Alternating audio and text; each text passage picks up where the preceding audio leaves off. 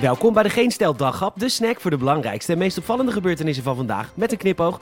Met vandaag Jansen voorlopig in de koelkast, Pfizer schiet de hulp en 538-feest stuit op verzet. Mijn naam is Peter Bouwman en dit is het nieuws van woensdag 14 april.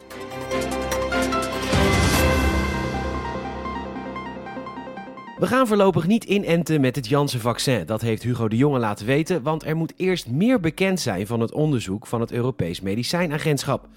Er zou morgen begonnen worden met het vaccineren van mensen in de zorg en bij GGZ-instellingen, dat meldt de NOS. Er is echter wel een groot verschil met AstraZeneca. Dat bedrijf kwam vanaf het begin zijn afspraken niet na, wilde dat er kosten wat kost doorgeprikt zou worden en daarom is het vertrouwen in dat vaccin op dit moment zo laag. Het moederbedrijf van Janssen, het Amerikaanse Johnson Johnson, heeft zelf gevraagd om de voorraad niet te gebruiken voordat de onderzoeken afgerond zijn. Ze willen dus niet dezelfde deuk in het vertrouwen als bij de concurrent. En ja, het valt ook mij op dat als ik positief praat over het vaccin, dat ik het een Nederlands vaccin noem en nu er niet geprikt wordt, ik over het Amerikaanse moederbedrijf begin. En ook ik besef dat het redelijk hypocriet is. Maar goed, minister Hugo de Jonge vindt het heel vervelend, maar vindt dat we ook niet direct in de paniek moeten schieten. Hij zegt letterlijk: we moeten gewoon nog even een weekje wachten. Gewoon een weekje. Eén week. Wat praten we over? Gewoon een weekje wachten nog. Eén weekje.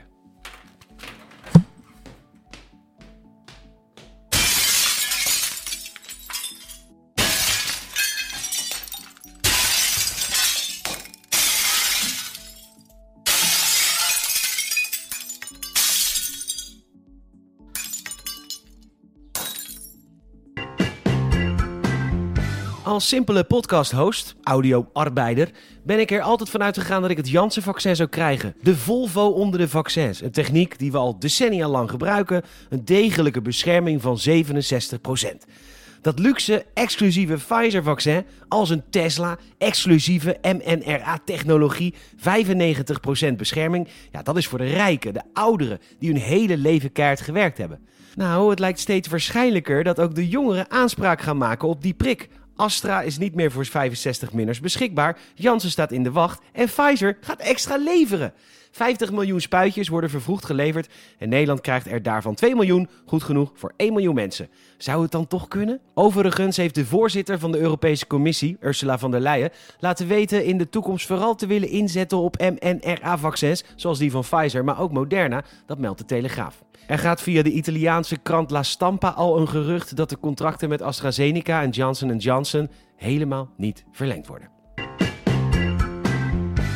Er komen steeds meer testevenementen. In principe zijn dat gewoon evenementen, maar dan moet je net voordat je er naartoe gaat een test doen.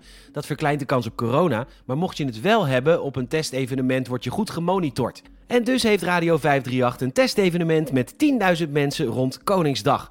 Het zal plaatsvinden op 24 april in Breda en dat stuit natuurlijk op enorm veel weerstand vanuit de horeca.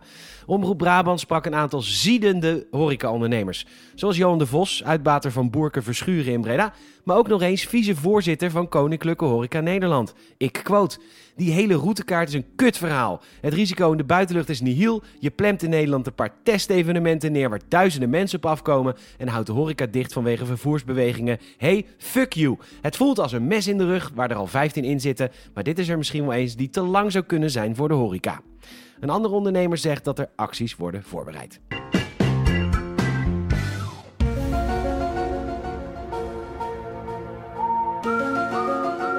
Op 24 maart 2019 werden met een iPhone een aantal objecten vastgelegd vanuit een F-18 gevechtsvliegtuig. De beelden zijn bijzonder spectaculair en wat je ziet lijkt enorm op UFO's. Drie stuk zelfs. En het internet zou het internet niet zijn als er rijkelijk gespeculeerd zou worden over de drie verschillende vliegende voorwerpen.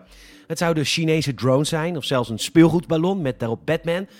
En nu heeft het Pentagon bevestigd dat de beelden echt zijn. En in andere verslagen wordt gezegd dat het onmogelijk is dat deze voorwerpen met de harde winden van die dag stationair stil konden hangen midden in de lucht.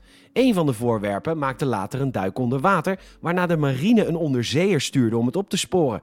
Er is nooit meer wat van gevonden. Maar dit verhaal is op zijn minst. Heel interessant. Kuikens in het land, hou je poes in de mand. Het klinkt als een vervolg van het nummer Wat moet je met je lul in de lockdown, maar het is een echte omproep, dat meldt trouw. Huiskatten zijn namelijk een hel voor kuikens en weidevogels. Ze jagen erop en vreten ze vervolgens zelden op. Vaak komen de katten terug naar huis en laten ze het dode diertje met trots aan het baasje zien en lopen ze gelijk weer weg. Niet heel biologisch en dus roepen de Friese vogelwachten op om de poezen binnen te houden van half april tot half juni. Want de kat is ongeveer net zo schadelijk voor de kuikentjes als de vos. En een vos binnenhouden is echt onbegonnen werk en het wordt een puinhoop en die beesten bijten en ze zijn gemeen. Dus ja, dan de katten maar.